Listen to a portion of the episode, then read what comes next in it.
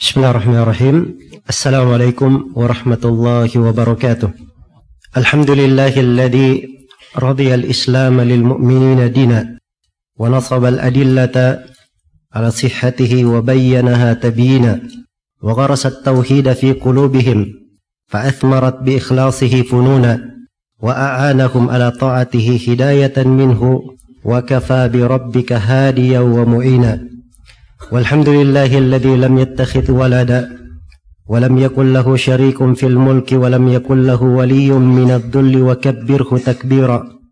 الذي خلق من الماء بشرا فجعله نسبا وصهرا وكان ربك قديرا.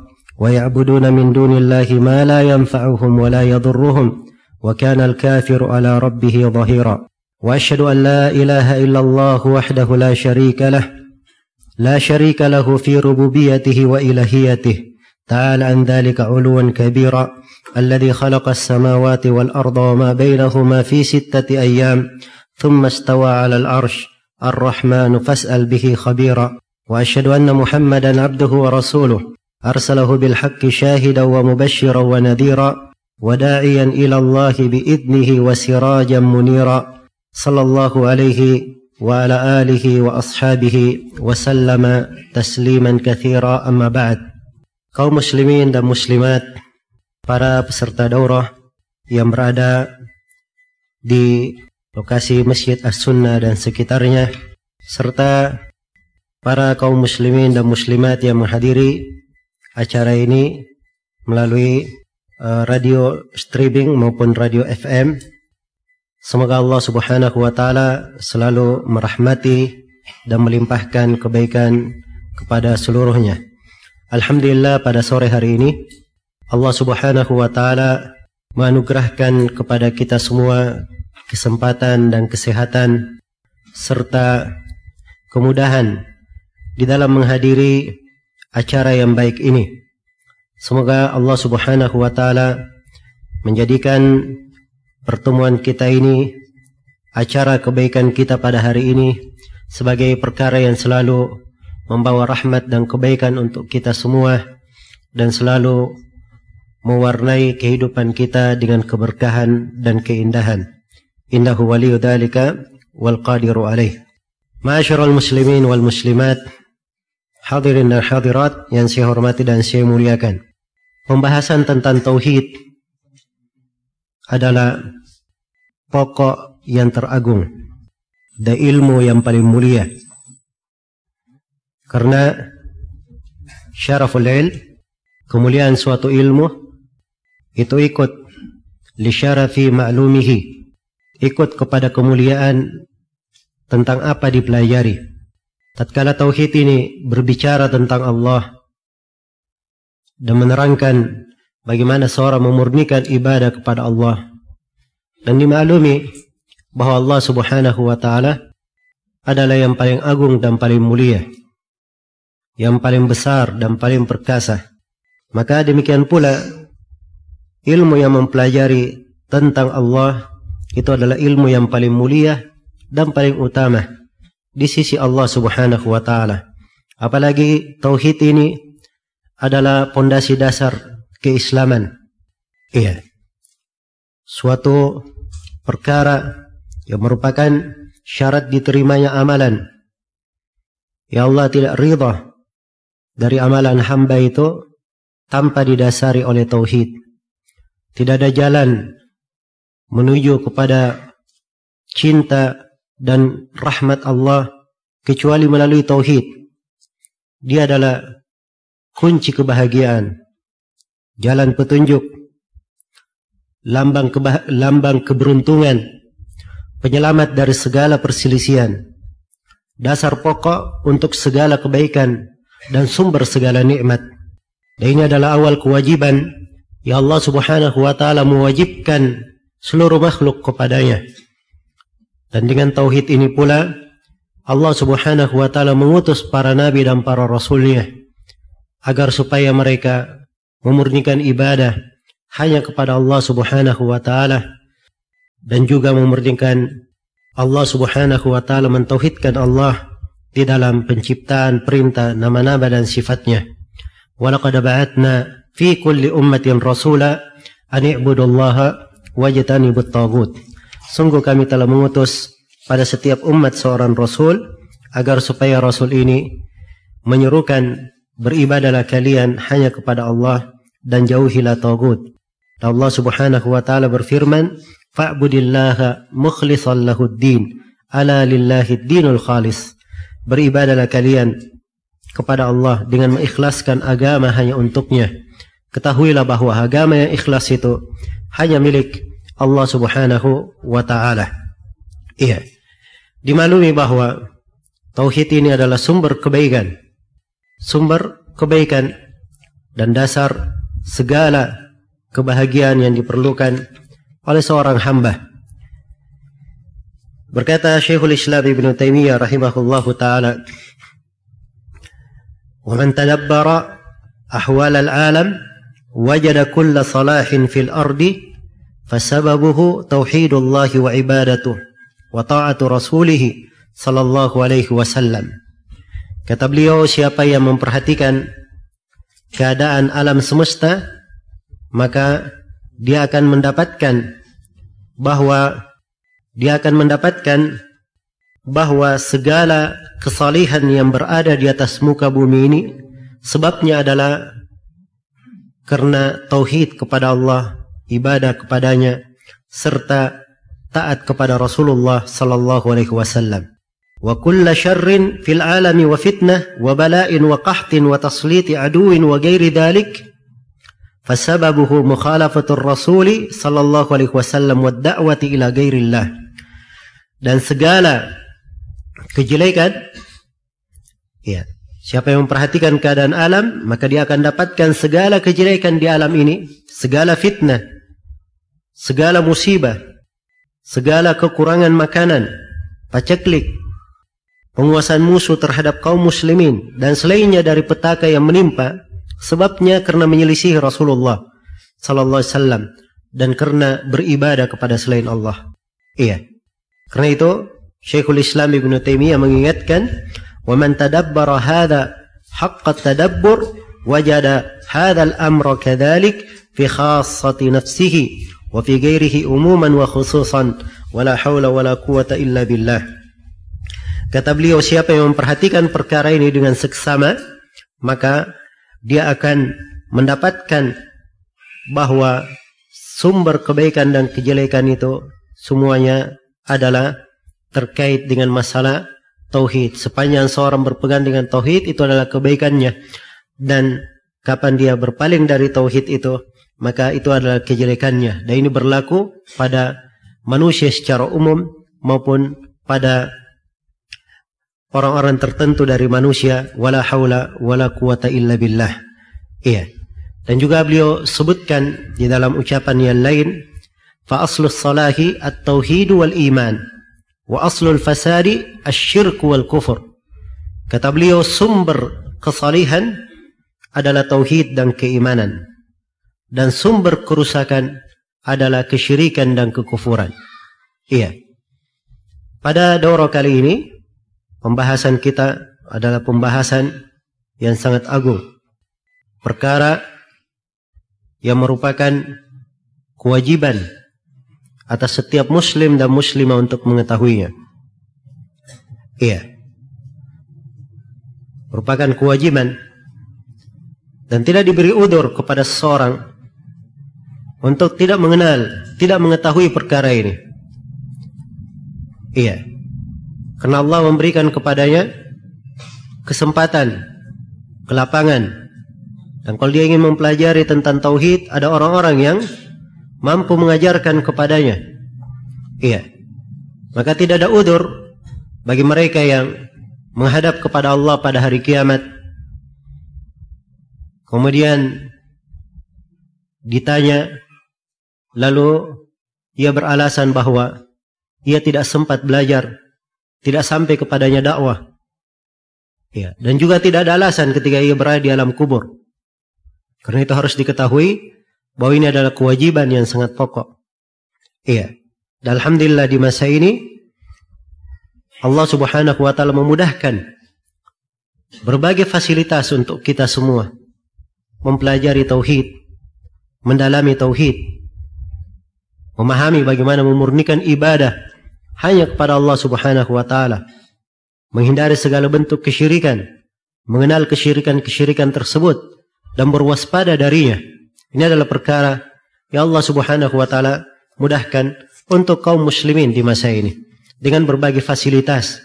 Ya, dahulu manusia apabila ingin belajar menuntut ilmu kalau tidak ada yang mengajari tidak ada yang mengajarinya di negerinya maka dia melakukan perjalanan yang sangat jauh.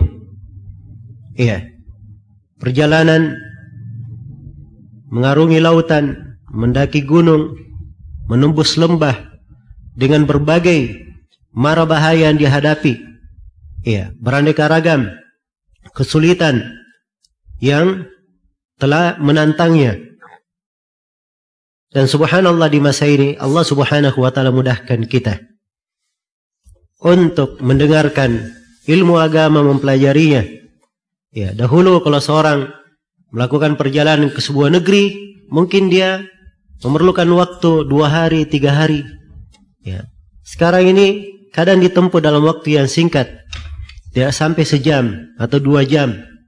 Dahulu kalau seorang ingin menyampaikan pesan kepada keluarganya, Tunggu orang-orang yang mengantarnya ke sana.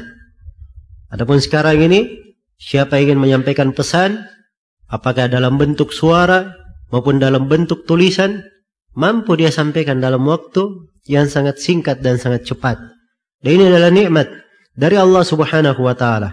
Dan Allah akan menanyai kita terhadap segala nikmat yang diberikan kepada kita.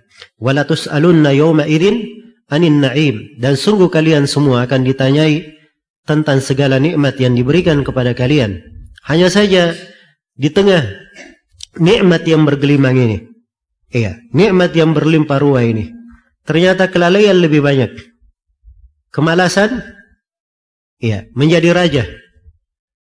Dan keacuhan terhadap perkara agama semakin meningkat. Iya. Dan itulah keadaan banyak dari manusia keadaan banyak dari manusia. Apabila di tengah kenikmatan lupa akan kewajibannya. Nanti ia tersadar ketika musibah datang menimpanya.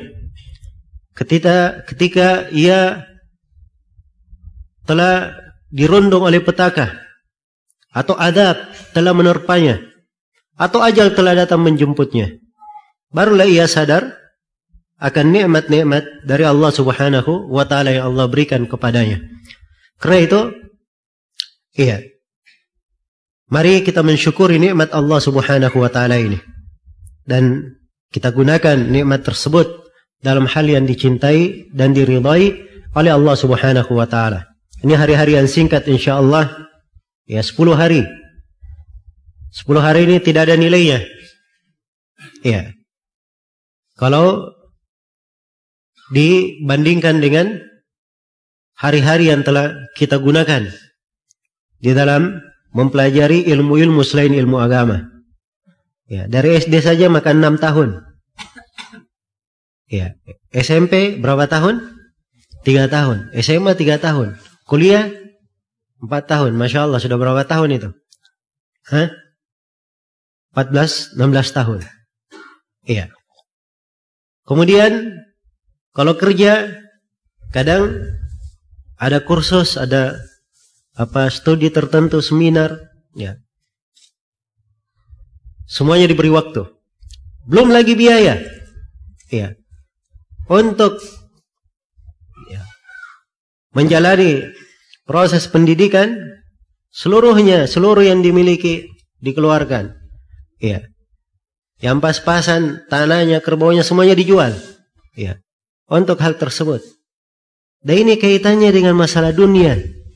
Dia belum sampai ke akhiratnya. Belum sampai ke akhiratnya. Dan subhanallah Allah mudahkan kita dengan agama. Iya. Agama yang penuh dengan kemudahan. Keindahan bagi siapa yang mempelajarinya. Kebahagiaan bagi siapa yang mendalaminya. Iya. Dan seorang hamba, iya, di dalam mendalaminya, ia tidak mesti meluangkan waktu sebanyak itu, menghabiskan waktu sebanyak itu untuk mengangkat kewajibannya. Ingat kita di batasan mengambil ilmu sekadar yang mengangkat kewajiban.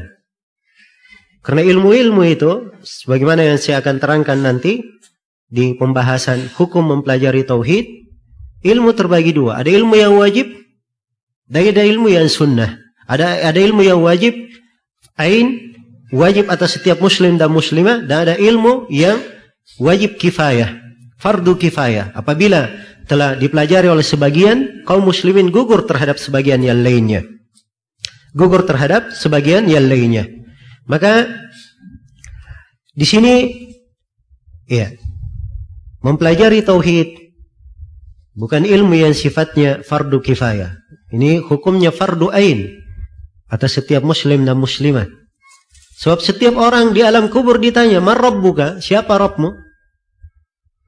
Iya. Yang gampang kalau didengar sekarang ya. Siapa Tuhanmu? Oh, dia dari TK saya sudah hafal. Tuhanku adalah Allah. Iya. Tapi jangan merasa mampu menjawab di depan di depan malakul maut. Apa di depan mungkar dan nakir? Iya yang bertanya dengan suara yang sangat dahsyat itu. Iya. Kemudian datang dalam kondisi yang sangat menyeramkan tersebut. Siapa yang tidak mampu menjawab pertanyaannya akan dipukul dengan mitrakah, dengan palu. Kata Nabi andai kata palu ini dipukulkan ke, ke gunung Uhud, akan hancur gunung Uhud itu berkeping-keping. Dia akan menjerit, didengar jeritannya oleh seluruh makhluk. Kecuali jin dan manusia. Nanti kata jin dan manusia mendengarkan jeritan orang yang disiksa di alam kubur, mereka langsung mati. Langsung mati. Iya. Ini keberadaan di alam kubur. Pertanyaan pertama, buka siapa Rabbmu? Iya. Ada yang menjawab, sebagaimana dalam hadis yang sahih, dia menjawab, ha ha la adri. Sami'tu an-nasa yaquluna syai'an faqultuhu. Dia berkata, ha saya tidak tahu. Saya hanya mendengar manusia mengucapkan seperti itu. Saya juga ikut mengucapkannya. Ini orang sudah mengucapkannya di dunia, tapi ikut-ikutan saja. Dia ucapkan karena ikut-ikutan, tidak dia pelajari. Iya. Tidak dia yakini. Dan dimaklumi bahwa keyakinan itu datang setelah mempelajarinya. Dan orang yang hanya sekedar ikut-ikutan saja, tidak akan memberikan manfaat untuknya seperti orang yang disebutkan di dalam hadis ini. Iya. Karena itu jangan disangka bahwa ini adalah perkara yang ringan. Ini perkara yang menentukan keberadaan kita di sorga atau di neraka. Yang menentukan kelak kita di kemudian hari termasuk golongan yang beruntung atau golongan yang merugi. Yang menentukan posisi kita kelak di kemudian hari.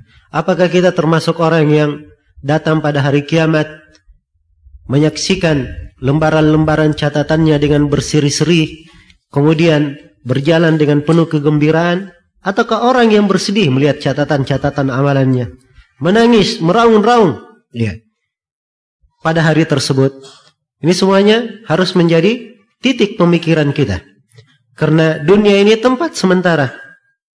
Dan kita di dunia Memang ada pertanggungjawaban yang harus kita pertanggungjawabkan di depan Allah Subhanahu wa taala. Karena itulah hendaknya kesadaran ini selalu ada di dalam hati kita. Iya. Dan hendaknya seorang muslim iya, menghargai pemberian dan nikmat Allah kepadanya. Menghargai pemberian dan nikmat Allah kepadanya. Iya. Dan mempelajari tauhid ini adalah ibadah yang sangat agung. Ibadah yang sangat agung. Karena itu orang-orang yang bertauhid, walaupun mereka sudah mempelajari tauhid berulang kali, tetap saja mereka mempelajarinya, mendalaminya, mengajarkannya. Mengajarkannya.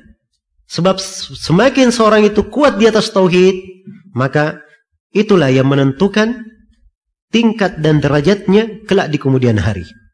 Tingkat dan derajatnya kelak di kemudian hari dan juga menentukan kekuatan dan besarnya nilai pahala yang dia dapatkan pada amalannya di dunia. Ya, amalan di dunia dilipat gandakan. Ya, siapa yang beramal baik, Diberi pahala 10 kali lipat hingga 700 kali lipat. Apa yang membedakan ini? Apa kaidahnya? Kalau seorang beramal dibayar 700, beramal dibayar 10. Apa yang membedakan? Yang membedakan adalah tauhidnya. Yang membedakan adalah tauhidnya. Karena itulah hendaknya dimaklumi pentingnya dari tauhid ini. Dan insya Allah taala di buku ini lengkap semua pembahasan tentang tauhid. Akan diterangkan nanti ya, satu bab khusus oleh penulis tentang fadli tauhid, keutamaan bertauhid. Keutamaan bertauhid. Dan insyaallah taala pada tempatnya saya akan uraikan seluruh hal yang berkaitan dengan keutamaan tauhid insyaallah taala. Iya. Baik. Untuk pendahuluan ini saya ingin menerangkan beberapa pokok pembahasan yang saya anggap penting bagi siapa yang ingin mempelajari tauhid. Dan ini adalah dasar-dasar pokok di dalam mempelajari akidah. Iya. Dan saya akan uraikan pembahasan-pembahasan ini dengan mendetailkan judul buku yang akan kita gaji pada pembahasan ini. Buku yang akan kita kaji pada pembahasan ini adalah kitab At-Tauhid. Kitab At-Tauhid. Karya Al-Mujaddid Syekhul Islam Muhammad ibn Abdul Wahab At-Tamimi rahimahullahu taala. Iya. Di sebagian cetakan disebut judulnya Kitabut Tauhid alladhi huwa haqqullahi 'alal 'abid. Kitabut Tauhid yang merupakan hak Allah terhadap segenap hamba. Iya, hanya saja di cetakan-cetakan yang merupakan apa namanya rujukan utama juga dicocokkan di manuskrip-manuskrip disebutkan bahwa judul buku ini hanya Kitabut Tauhid saja. Hanya Kitabut Tauhid saja. Walaupun ada di sebagian cetakan yang lain yang disebutkan lengkap seperti yang kita sebutkan itu tadi. Di sini ada dua hal yang ingin saya terangkan. Iya. Dan sebelum saya terangkan dua hal ini, saya ingin ingatkan bahwa di pembahasan ini kita uh, akan membaca seluruh naskah yang ditulis oleh penulis Iya, matan Kitab Tauhid dalam bahasa Arabnya. Iya, dalam bahasa Arabnya. Dan ini semuanya ter tercakup di dalam cetakan yang saya pegang ini. Iya. Karena di dalam cetakan ini seluruh naskah di dalam bahasa Arab apakah itu di judul bab atau isi bab maupun masailnya semuanya disebut dalam bahasa Arabnya dan kita apa namanya dilengkapi dengan terjemahannya, dilengkapi dengan terjemahannya. Dan keistimewaan cetakan ini dicocokkan dengan beberapa cetakan yang paling bagus. Iya. Kemudian juga dicocokkan dengan tiga manuskrip tulisan tangan dari sumber-sumber yang terpercaya. Sehingga insya Allah taala apa yang uh, ditulis di matan kitab ini itu lebih dipegang daripada apa yang disebutkan di cetakan-cetakan yang lainnya. Kemudian nanti insya Allah taala di pembahasan karena ini pembahasan 10 hari ya dan kita akan membahas 66 bab berkaitan dengan tauhid. Kita tentunya perlu meringkas waktu karena karena itu saya di pembahasan ini saya akan menempuh cara pertengahan di dalam menguraikan dan menjelaskan. Ya, saya baca syarah-syarah terpenting berkaitan dengan buku ini seperti kitab Taisir Al-Aziz Al-Hamid, Fathul Majid, ya. Dan uh, buku Al-Jadid fi Syarah Kitab Tauhid. Demikian pula Al-Qaulul Mufid karya Syekh Ibn Utsaimin rahimahullahu taala. Demikian pula buku I'anatul Mustafid karya guru kami Syekh Soleh Fauzan. Iya. Dan ada buku-buku yang lainnya yang kita baca dan saya akan rangkum ya kandungan pelajaran dan fawaid di dalam buku-buku itu. Insya Allah saya akan berusaha tidak ada faedah yang tersebut di dalam buku itu kecuali saya akan sebutkan walaupun ringkas. Ya, walaupun ringkas saya akan sebutkan. Sebab metode kita ringkas ya di dalam memaparkan kandungan faedah dan kita harapkan apa yang kita dapatkan di daurah ini menjadi pegangan yang cukup insyaallah taala di dalam memahami kitab tauhid. Dan untuk memudahkan pembahasan, saya akan memakai uh, pokok di dalam syarahnya, uh, syarah yang ditulis oleh guru kami Syekh Shalal Fauzan yang berjudul Al-Mulakhas fi Syarhi Kitab Tauhid yang sudah dicetak dengan judul Al-Mulakhas Syarah Kitab Tauhid yang bisa uh, di apa namanya diperoleh di panitia Doro. Nah, karena kalau saya baca dari buku bahasa Arabnya, kemudian saya terjemahkan ini akan memakan waktu. Ya maka kalau peserta sekalian memegang buku dalam bahasa Indonesia, maka ini insya Allah Taala akan lebih memudahkan kita di dalam menerangkan buku ini dan berjalan di dalam membahas atau mengkaji kajian ini. Iya. Dan tentunya, ya, seorang penuntut ilmu menggabungkan antara dua hal. Ya. Dia memperhatikan, mencermati dan memahami serta ia menyimak dan menulis. Dan ini adalah perkara yang hendaknya dilakukan oleh seorang penuntut ilmu kalau ingin kuat ilmu yang dia dapatkan. Ya. Adapun hanya duduk menyimak saja, ya kita harapkan keberadi, kehadirannya di masjid ini saja itu sudah bagus. Walaupun hadir di masjid bukan untuk datang belajar. Hadir di masjid untuk duduk aja menemani kawannya. Iya. Karena suatu hari pernah ada orang iya, datang ke majelis Nabi sallallahu alaihi wasallam. Nabi menerangkan keutamaan orang yang hadir di majelis ilmu. Maka seorang bertanya, Rasulullah, ada kawan saya yang datang. Ya, dia datang bukan untuk hadir di majelis ini, tapi karena dia punya kawan. Ya, maka Nabi SAW bersabda, "Ulaikal qaum la yashqa bihim jalisuhum." Mereka yang hadir di majelis ilmu itu adalah satu kaum yang kawan duduknya tidak akan merugi. Kawan duduknya tidak akan merugi. Ya, karena itu, ya, kalau kebaikan insya Allah itu dijamin sebagai kebaikan. Hanya saja kita di sini di pembahasan ingin memahami ilmu. Dan ilmu itu ada jalannya di dalam memahaminya, di dalam mempelajarinya. Ya, seorang menyimak yang kedua memahami. Iya. Kalau ada bacaan, nah inilah yang saya maksudkan tadi. Supaya lebih mudah di dalam memahami. Iya. Kalau ada faedah, perlu dia catat, maka dia tuangkan pada buku yang dia pegang.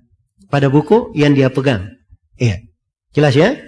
Karena ya antum semua tahu ya bahwa orang-orang yang hadir di majelis seperti ini ya ada dua macam. Ada yang matanya ke depan, melihat ke guru. Ya.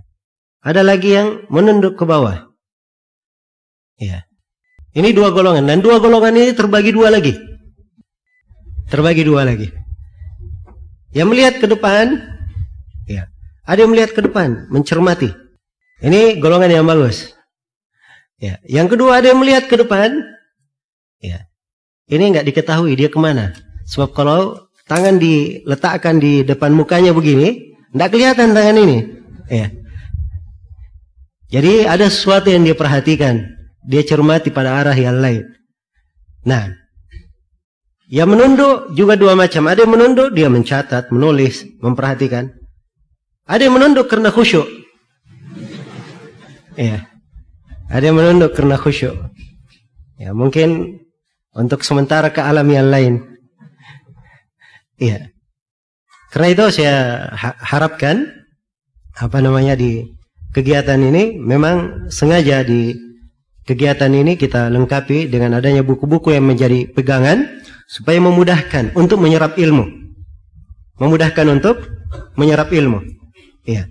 Dan Syekh rahimahullah taala di dalam buku ini sangat sistematis sekali cara beliau membahas. Ya, beliau memberi judul bab penekanan membawakan ayat atau hadis, kemudian menyimpulkan kandungan dari bab itu apa yang beliau tekankan dalam bentuk masail, persoalan-persoalan. Iya. Dan insya Allah taala kita di dalam menerangkan buku ini akan apa menguraikan ya seluruh dari kandungan buku ini dengan izin Allah Subhanahu wa taala dan menerangkan faedah-faedah yang ada di dalam buku sesuai dengan kemampuan kita. Nah, Karena itu sekali lagi untuk meringkasnya saya di sini memakai dua buku. Yang pertama matan Kitab Tauhid, kemudian yang kedua kita memakai syarah yang ditulis oleh Syekh Saleh Al Fauzan. Iya. Baik. Dan di sini ada dua hal berkaitan dengan judul buku serta penulis buku. Jadi berkaitan dengan judul buku Kitab Tauhid.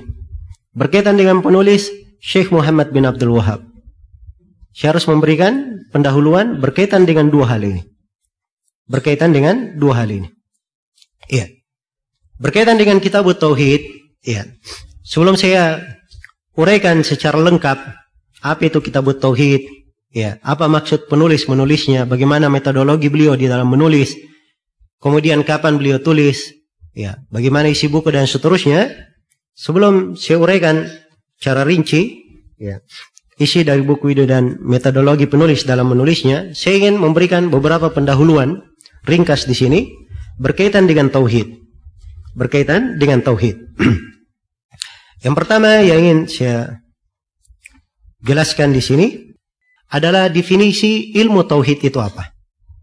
Definisi dari ilmu tauhid itu apa? Baik. Ilmu tauhid ini tergabung dari dua kata ya, kata ilmu dan kata tauhid.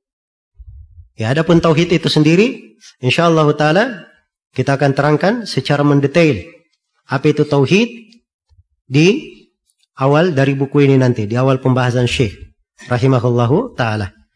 Tapi ilmu tauhid ya dengan dua kata ini itu sudah menjadi suatu penamaan untuk suatu bidang ilmu yang didefinisikan oleh para ulama kita dengan beberapa definisi.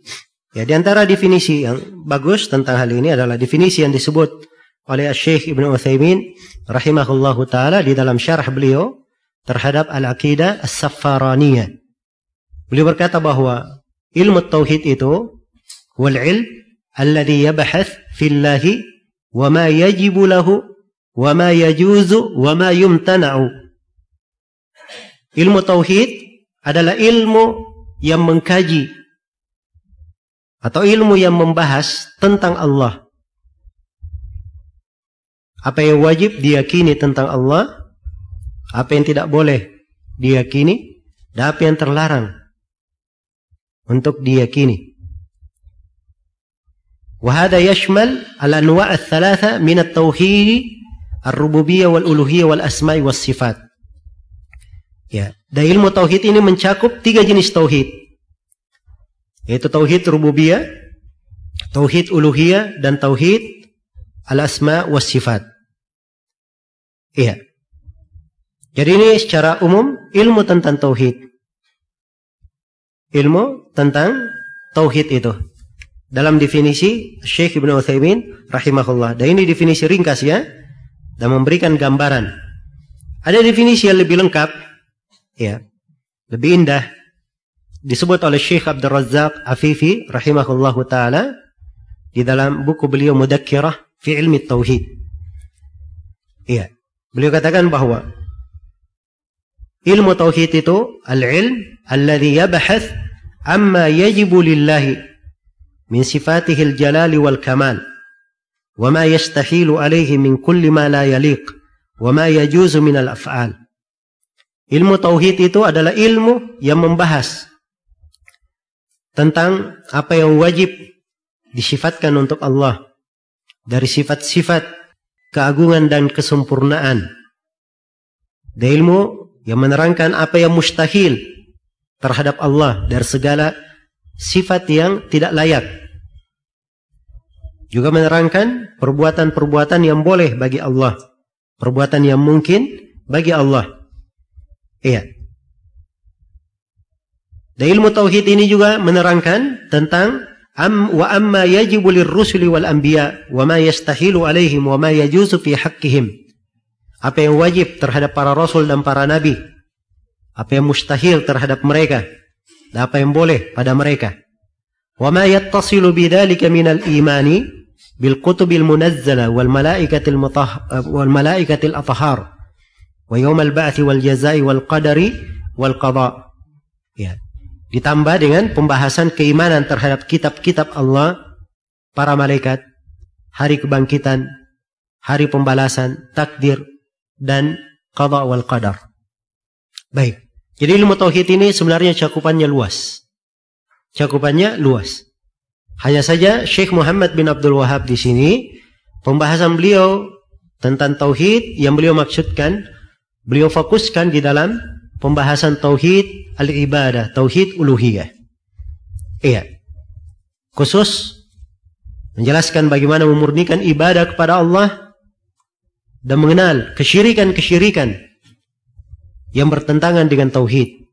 Yang bertentangan dengan tauhid. Walaupun beliau singgung dari tauhid asma wa sifat, dari tauhid ar-rububiyah, iya. Namun pokok pembahasan beliau adalah apa? Adalah tentang tauhid al-uluhiyah. Ya, dari sini bisa dipahami bahwa ilmu tauhid itu adalah ilmu yang cakupannya luas. Ya, berkaitan dengan keimanan kepada Allah, keimanan kepada para malaikat, keimanan kepada kitab-kitab Allah, keimanan kepada para rasul, keimanan kepada hari akhirat, dan keimanan kepada takdir yang baik dan yang buruk. Iya. Karena semua pembahasan buku-buku tauhid, buku-buku akidah, ya. Kalau saya bahasakan dengan bahasa lain, global isi dari buku itu adalah menerangkan dua hal. Pembahasan buku tauhid, buku akidah, secara umum globalnya menerangkan berapa perkara? Dua perkara. Perkara yang pertama menerangkan rukun iman yang enam. Keimanan kepada Allah, keimanan kepada para malaikat, keimanan kepada kitab-kitab, keimanan kepada para rasul, keimanan kepada takdir yang baik dan yang buruk, dan keimanan kepada uh, sebelumnya keimanan kepada hari akhirat dan keimanan kepada takdir yang baik dan yang buruk. Di keimanan kepada Allah ada empat pembahasan.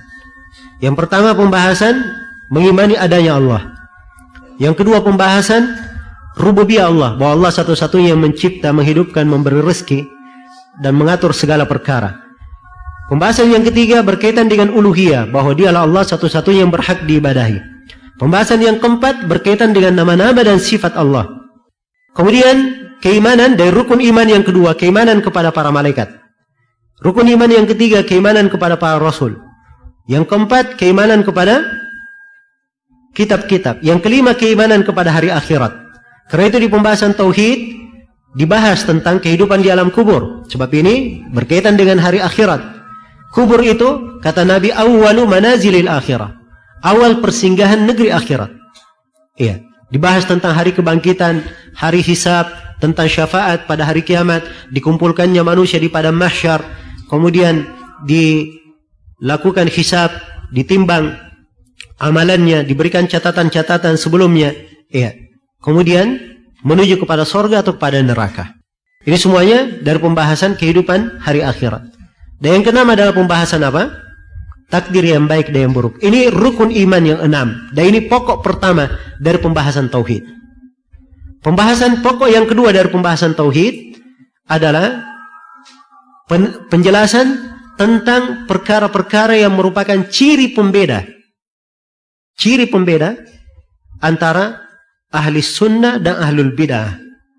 Antara pengikut kebenaran dan pengikut kebatilan. Karena itu di buku-buku tauhid diterangkan bagaimana sikap terhadap para sahabat. Ya. Diterangkan sikap terhadap pemerintah. Diterangkan tentang penerapan hukum-hukum hudud. Ya.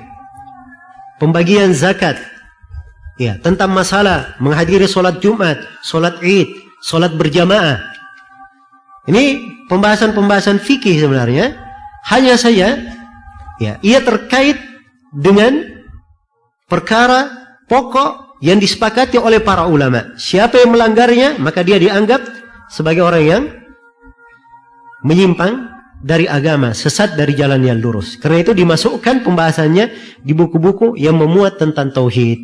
Jadi secara global saya ingin gambarkan ilmu tauhid itu apa? Agar supaya dipahami.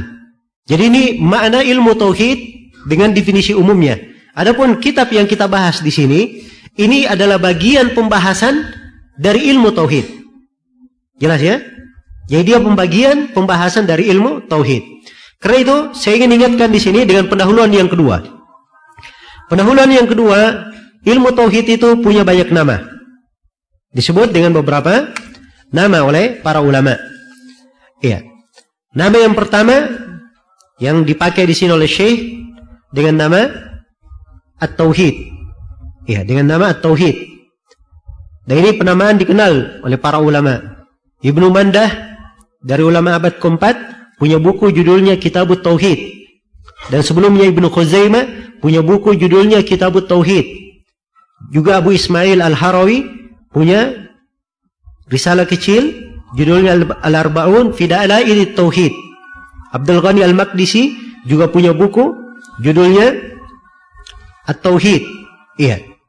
Imam Al-Bukhari di dalam sahihnya memberi kitab tersendiri di akhir As-Sahih dengan judul Kitab Tauhid. Di judul Kitab Tauhid. Jadi ini penamaan dimaklumi di kalangan para ulama. Iya, dan kalau dibuka buku-buku tersebut, pembahasannya luas. Bukan hanya berkaitan dengan tauhid ibadah saya, dibahas juga tentang nama-nama dan sifat dan dibahas juga tentang kehidupan akhirat dan selainnya dari pembahasan-pembahasan yang telah kita singgung. Jadi ini penamaan yang pertama disebut dengan tauhid. Yang kedua disebut dengan nama al-aqidah. Pembahasan akidah. Iya. Sebut dari pembahasan akidah. Sebab akidah itu dari kata akadah. Suatu yang diikat dengan kuat. Sebab orang yang berakidah, orang yang bertauhid, dia kuatkan akidahnya, dia ikat dengan kuat keyakinannya. Sehingga menancap di dalam dadanya, mewarnai kehidupannya. Iya. Ini disebut akidah dan kadang disebut dengan bahasa i'tiqad. Disebut dengan bahasa i'tiqad. Dan para ulama yang menulis dengan buku akidah sangat banyak sekali. Akidatus salaf, ashabul hadith. Iya. Dan buku-buku akidah yang lainnya. Kemudian yang ketiga, dari pembahasan tauhid disebut juga dengan nama as-sunnah. Disebut dengan nama apa? As-sunnah. Ya, dan penamaan ilmu tauhid dengan as-sunnah ini penamaan yang terkenal di abad kedua, ketiga, ya di awal-awal generasi Islam ini. Karena itu kebanyakan buku-buku yang ditulis tentang tauhid diterangkan dengan nama As-Sunnah. Dengan nama As-Sunnah. Dan banyak sekali puluhan buku yang ditulis oleh para ulama bahkan ratusan. Buku yang ditulis oleh para ulama dengan judul apa? Dengan judul As-Sunnah. Iya, ada penggunaan kata As-Sunnah di situ. Kemudian yang keempat dari pembahasan tauhid disebut juga dengan nama al-iman. Disebut dengan nama apa? Al-iman. Iya, karena keimanan punya dua makna, ada makna khusus dan makna umum. Adapun makna umumnya dia mencakup Islam itu secara keseluruhan pada dasar-dasar dan pokoknya. Karena itu Al-Imam Ibnu Manda menulis buku khusus dengan judul Al-Iman, Kitabul Iman. Abu Bakar bin Abi Syaibah punya Kitabul Iman. Demikian pula uh, Abu Ubaid Al-Qasim bin Salam menulis Kitabul Iman. Ya. Dan banyak lagi dari para ulama yang membahas tentang tauhid disebut dengan nama apa? Iman. Kemudian yang keempat atau yang kelima, ya. Yang kelima, pembahasan tauhid ini juga disebut dengan nama syariah Disebut dengan nama syariah Ya, walaupun belakangan ini syariat itu penggunaan digunakan untuk ilmu fikih ya. Ya, tapi di masa dahulu ya, para ulama kita kadang menggunakannya untuk makna tauhid. Karena itu kalau kita buka buku Al-Imam Al-Ajurri, Muhammad bin Hussein Al-Ajurri, Kitab Syariah, kita tidak akan ketemukan pembahasan fikih di dalamnya. Di dalamnya dimuat pembahasan apa? Pembahasan akidah. Ya, pembahasan akidah. Demikian pula ya, kitab Al-Ibana an Syariatil Firqatin Najiyah wa bujadabati al-firqil marbuma. Ini karya Ibnu Battah. Ya, disebut an syariatil firqatin najiyah. Nah, baik. Jadi ini penamaan yang kelima. Penamaan yang keenam ada yang menamakan pembahasan akidah itu dengan nama usuluddin. Usuluddin. Iya. Seperti buku Ibnu Battah Al-Ukbari Asyarh wal Ibana an Usuli As-Sunnati wad Diyanah. Iya. Dan Abu Hasan al-Ash'ari yang bertobat di akhir umurnya dia menulis buku Al-Ibana an Usulid Diyanah. Ya, pakai usul. Jadi pokok agama. Mereka bagi tauhid disebut pokok agama dan fikih disebut sebagai furu. Ya, walaupun pembagian ini ada sedikit pembahasan di kalangan para ulama kritikan, ya hanya saja dia penamaan dipakai oleh as-salaf. Ya, kemudian yang ketujuh disebut dengan nama al-fiqhul akbar. Fikih terbesar. Al-fiqhul akbar. Iya. Dan disebut ada kitab ya ditulis oleh Abu Hanifah dengan judul Al-Fiqhul Akbar. Karena fikih dua macam. Ada fikih besar itulah tauhid. Ya dikatakan fikih besar memang karena itu adalah sumber kebaikan bagi seorang hamba. Ya, daya lainnya disebut kecil kalau memang dibanding dengan tauhid. Karena tanpa tauhid, fikih yang lainnya tidak akan bermanfaat. Tidak akan bermanfaat. Baik ini tujuh penamaan. Ya. Karena itu hendaknya ditinggalkan ya penamaan-penamaan pembahasan tauhid yang banyak digunakan di masa ini disebut dengan bahasa-bahasa yang tidak dikenal oleh para ulama. Ya. Kita ketemukan di banyak perguruan tinggi sekarang ini pembahasan tauhid disebut dengan nama apa? Pembahasan ilmu kalam. Iya. Disebut dengan pembahasan ilmu kalam. Nah ini penamaan bid'ah, tidak dikenal di kalangan as-salaf. Maka itu adalah penamaan ahlul bid'ah. Ya, demikian pula disebut dengan nama ilmu filsafat. Ilmu filsafat. Ya, dan ini semuanya datangnya dari selain umat Islam. Ya, tidak berasal dari umat Islam. Karena itu itu adalah penamaan-penamaan yang tidak diridhai oleh para ulama. Baik, maka ini dari uh, penamaan-penamaan tentang tauhid ya perlu saya terangkan. Baik. Kemudian di sini uh, juga perlu kita terangkan apa tema pembahasan dalam tauhid itu secara global apa. Kemudian apa hukum mempelajari tauhid dan perlu diterangkan juga orang yang belajar tauhid itu sumber rujukan ya sumber pengambilan dalam ilmu tauhid dari mana saja. Dan yang terakhir akan kita bahas di pendahuluan ini tentang karakteristik ilmu tauhid di dalam syariat kita. Ciri ilmu tauhid itu apa? Ya agar supaya kita mampu membedakan tauhid yang benar dan tauhid yang tidak benar. Iya. Dan ini saya anggap sebagai pendahuluan-pendahuluan yang penting Insyaallah taala kita akan uraikan nanti setelah uh, sholat maghrib. Ini sudah mendekati waktu maghrib. Kita perlu bersiap-siap untuk sholat.